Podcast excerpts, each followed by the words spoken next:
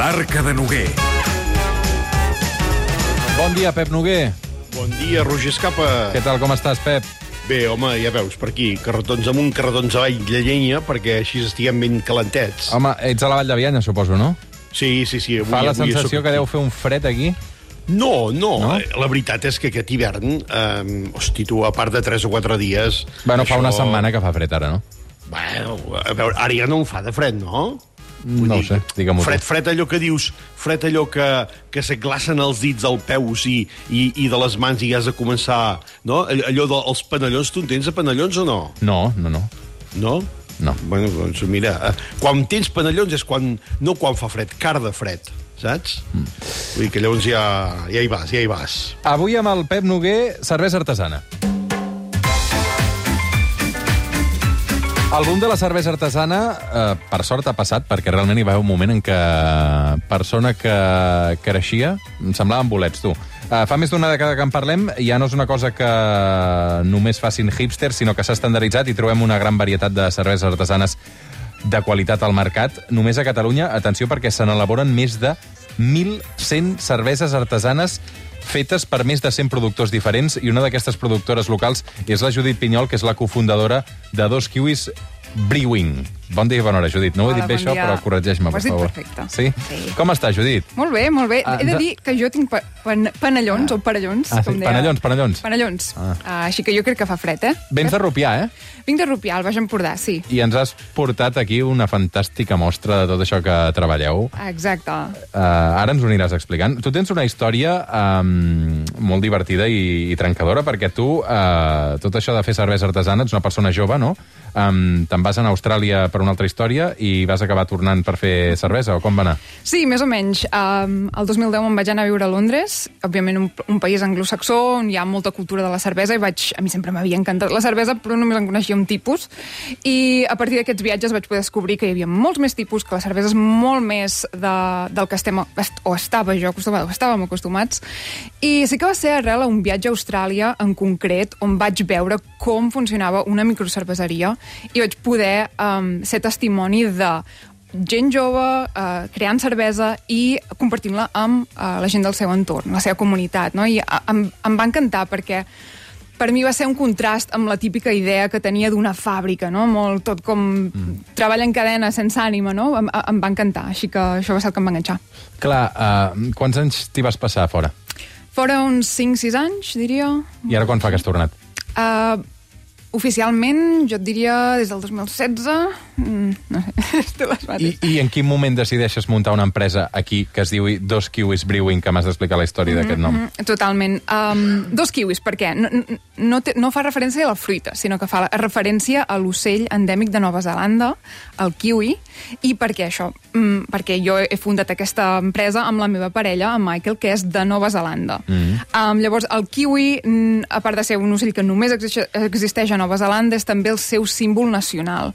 Llavors, um, de fet, el nom li va sortir a la meva mare un dia així, el va dir molt graciosament, va dir dos kiwis, i ens va encantar. Era quan fèiem cervesa a casa, això devia ser els vols del 2014, i el meu germà va fer el logo i ja teníem la marca. Llavors, els kiwis, l'ocell kiwi és una mica la nostra mascota i, i ve d'aquesta influència de Nova Zelanda. Clar, Noguer, jo tinc la sensació que aquests últims anys, amb el boom de la cervesa artesana, eh, hi ha hagut molt intrusisme, no? O molta gent que s'hi atrevia sense tenir els coneixements necessaris, no? Eh, eh, I que al final, ara ja han passat els anys, ja han passat el boom i, i s'han quedat realment, els, potser hi ha hagut una mica de selecció natural. Tens aquesta sensació? Clar, pe- penso una cosa, és a dir, uh, clar, moltes vegades quan parlem de cervesa, jo ara estava pensant, hosti, fa molts anys que dic fa 15 anys, saps allò? Quan, quan dius uh, moltes vegades fa 15 anys, no? Fa 15 anys, ara podríem fa 20, no? Clar, uh, abans eren molt pocs els que, els que feien cerveses, i fixa't una cosa, tu has dit una cosa que, que això t'ho remarca, has dit més de mil cerveses, però només has dit un més de, una miqueta més d'un centenar de, de, podríem dir, de, de petits obradors, no? Llavors, què vol dir això? Que eh, el boom de la cervesa hi va ser, però també, per altra banda, hi ha, diguem-ne, molta gent que fa fer la seva cervesa i que es posa la seva marca. És allò que en diem la marca blanca, que això, a veure, um, jo sempre dic, això és bo o no és bo, no? Uh, jo penso que, uh, per una banda, és bo, però sempre s'ha d'explicar. És dir, jo uh, feia cervesa el el 2007, però no la fabricava jo, perquè no tenia fàbrica, no? Però jo ho deia. És a dir, el fotut és que podríem dir, eh, diguis que ets cerveser eh, i que te la facis fer la cervesa, no? Eh, i, I a veure, jo crec que el bonic de la cervesa artesana és que cadascú hi posa la seva petjada, podríem dir, eh, de la seva filosofia, de la seva manera de ser, del seu territori. Eh, aquí, per exemple, la Judit i en Michael foten una feina espectacular i hem de dir que Dos Kiwis, a part de ser una cerveseria, també té un tap room, que no ho podem dir molt de molta gent. És a dir, mira, precisament, eh, jo aquesta setmana passada vaig Un anar... què? Perdona, eh? és que jo em perdo ja. Què és un tap room?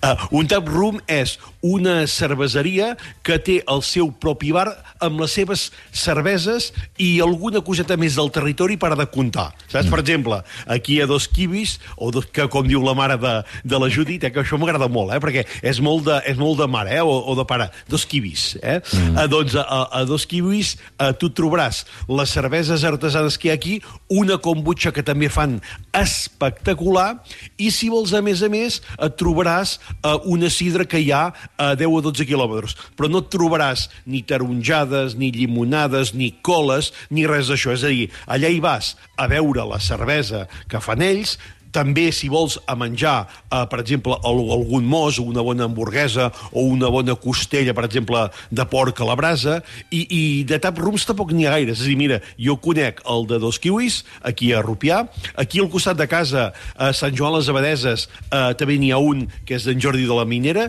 i eh, concretament al costat de la feina, aquí a Barcelona, allà al barri de, de la Pau, hi ha els almogabres que també tenen un tap room que és espectacular. I això sí que és fer cultura cervesera i aquesta cosa que diem moltes vegades ara del quilòmetre zero i de la proximitat, Hosti, això és molt xulo, perquè poder-te prendre una cervesa i que eh, qui te la serveixa és el propi que te la fa, això, i a més a més allò de tirador fresca, acabada de fer, podríem dir gairebé, eh? això, això sí que és cultura cervesera. Mm. Clar, eh, quines característiques té aquestes cerveses que ens presentes avui, Judit? Suposo que n'hi ha moltes de diferents, però deuen tenir algun denominador comú, no? Totalment, i i molt ràpidament, eh, continuant el que deia en Pep, per, per nosaltres eh, una part essencial del nostre projecte sempre ha sigut el fet de tenir la fàbrica i a més a més tenir el taproom eh, per tal de que qualsevol persona pugui venir, prendre's una cervesa, veure exactament on l'hem fet, eh, i també per mi és molt, molt important poder també tenir aquest feedback de, de les persones que venen, no? I poder preguntar què t'agrada, què no t'agrada, que puguin tastar, veure les seves reaccions. Llavors, um, ara mateix, si qualsevol persona ve al taproom, tenim unes nou cerveses diferents. Avui n'he portat... Crec que n'he portat Sí, una no, de cada. sí, sí, n'hi ha nou aquí, vull dir. Sí, n'he portat una de cada perquè en... sí que tampoc no fem... A més, és, eh, són de llauna, però de llauna de mig litre. Són 44, 44, sí. sí, sí. És un format que també està molt bé per compartir perquè són 200 i 200. Sí. Llavors, allò de fer un tastet a casa també també és lo seu. Uh, hi ha estils diversos. Uh, la majoria de cerveses que elaborem són de la família de les ales. Uh, també fem una Pilsner, que és de la família de les lagers, que seria més, potser el que estem més acostumats. Uh, tenim una cervesa negra, una cervesa àcida, i llavors molta IPA Pale Ale, que són cerveses on hi destaquen les característiques del llúpol. Eh, jo ja em perdo una mica aquí, eh, Noguer? Hauràs de tastar, no, hauràs de eh, tastar. és que anava a dir, a- aquí hi ha una No, més- cosa també important. Clar, pensem que el, la cervesa és una cosa molt senzilla, és a dir, la cervesa no deixa de ser un, un brou com si ara tu, Roger Escapa, fessis un brou de verdures a casa teva, l'únic és que al lloc de verdures hi poses malta, eh, normalment d'ordi, tot i que també es fan cerveses de blat, i també s'hi afegeixen altres tipus de cereals, que es poden maltejar o no, depèn de la, de la quantitat que en posis. Uh, l'altre és aigua, l'altre són els llúpols, com diu, i l'altre és el llevat. Clar, uh, els llevats... Uh, serveixen per fermentar, per ajudar a fer aquesta fermentació, que és el que diferenciaria una infusió d'ordi, que et podries prendre com si prenguessis un te, eh, d'una cervesa que té aquesta fermentació carbònica de forma natural eh, i eh, aquests aromes, diguem-ne, que, que té, no? I la fermentació eh, alcohòlica. Clar, aquí ja hi veiem, Judit, una clara diferència, és a dir, mm -hmm. la cervesa artesana, la fermentació uh, carbònica sempre és natural i no és, diguem-ne, no té aquest gra de, de carbònic que tenen les cerveses, podríem dir, digue-li industrials, digue-li, diguem-ne, convencionals o com vulguis, no? Sí, tot i que mm, moltes vegades, per no dir gairebé sempre, es suplementa aquest carbònic natural mm. amb, amb, amb CO2 també per aconseguir el punt uh, ideal per gaudir d'aquella cervesa el, el millor possible. Però sí, sí. Mm. Escolta, ara que també és, uh, hi ha tanta gent que consumeix cervesa sense Sí. alcohol, cervesa artesana sense alcohol és una bona combinació o costa, no, això? És una, és una mica complicat perquè l'alcohol és algo que protegeix la cervesa, que vol dir que prote la protegeix d'altres micro microorganismes que no ens interessen.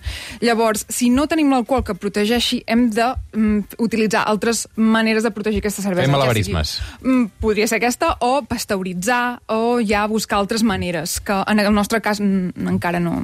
Què la fa artesana, una cervesa?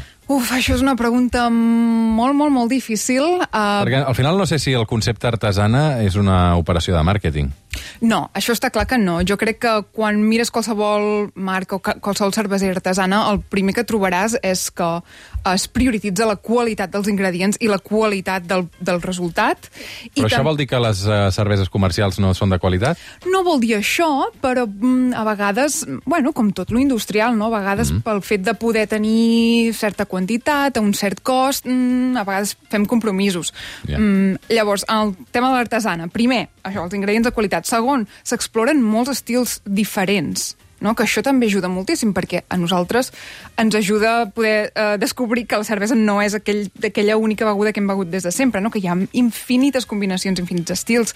I també jo diria que cada cervesa artesana al darrere hi ha gent amb molta passió um, i moltes ganes de, bueno, de, de promoure la, la cultura cervesera i, i cada projecte és diferent, això és lo maco, no? Cada, cada marca, cada cervesera és completament diferent. Noguer? Clar, aquí, aquí hi ha una cosa, uh, uh, Judit i Roger, uh, i jo crec que, diguem-ne, que una, una altra cosa que també diferencia, diguem-ne, l'artesania de, de la part industrial és que, en el cas de la cervesa artesana, en, en el vostre obrador, per exemple, si volguéssiu, cada setmana eh, podríeu fer una cervesa diferent. És a dir, eh, um, això de poder fer cerveses temporals, d'una cervesa, per exemple, de carbassa, només la fas per la, per la tardor, quan hi ha tots sants i tens les castanyes, no? I en fas una vegada i prou. Uh, ara som a l'hivern, no? I dius, mira, pues, doncs, jo què sé, no sé, a, a, ara et diria una cervesa amb tòfona, no? Però, però no, arribarà la primavera i fas una cervesa que hi poses uh, segons quines plantes aromàtiques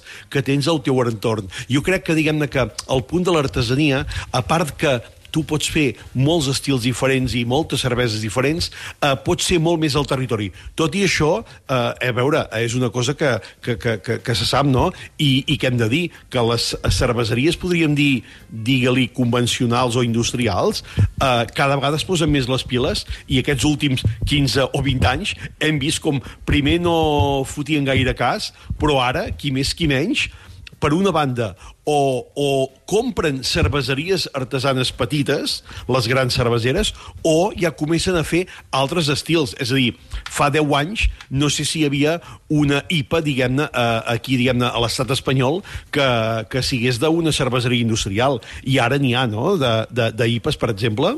Totalment. Mm, més o menys ressaca, la cervesa artesana? Depèn de quant te'n beguis.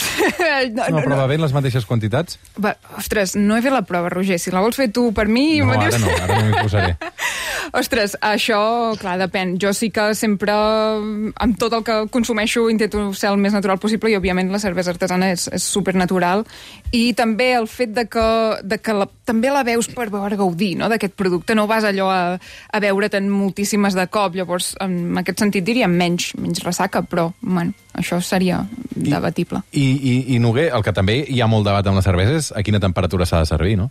Oh, clar. Uh, bueno, I això és el que fa la cultura, no? Clar, penso una cosa.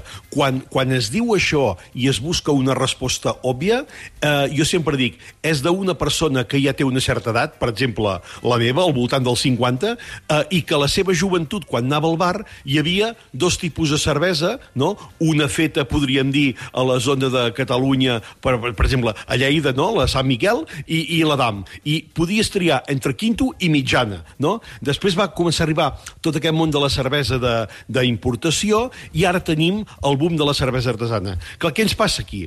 El que deia la Judit, si, per exemple, ells fan nou cerveses i són nou estils diferents, um, depenent del grau alcohòlic, depenent de la quantitat o del tipus de llúpols que hi posen, per tant, és, són més o menys amargues. I també, depenent una miqueta del moment que som, eh, la cervesa la posarem a una temperatura o una altra. Està clar que, com per exemple ens passa en els escumosos, allò d'una cervesa congelada eh, ho diu una persona que no li agrada la cervesa i que només se la fot a l'estiu, no? Perquè, per exemple, una cervesa negra, no sé, eh, ara no recordo, però la que em vas fer tastar aquesta setmana passada, Judit, em sembla que té 9 graus de- de- sí. d'alcohòlic, Uau. uh, d'alcohol. Això és un bon viatge, uh, ja, aquella, Clar, aquesta es pot prendre tranquil·lament a, a 10-12 A deu, graus, o, o, exactament. no? Exactament, exactament. Passa una, bueno, sempre ho comparo una mica amb el vi, no? Eh, com necessites una certa temperatura per poder gaudir de tots els matisos. I a, a mesura que la vas bevent, la temperatura va canviant i el carbònic va, va marxant, va canviant,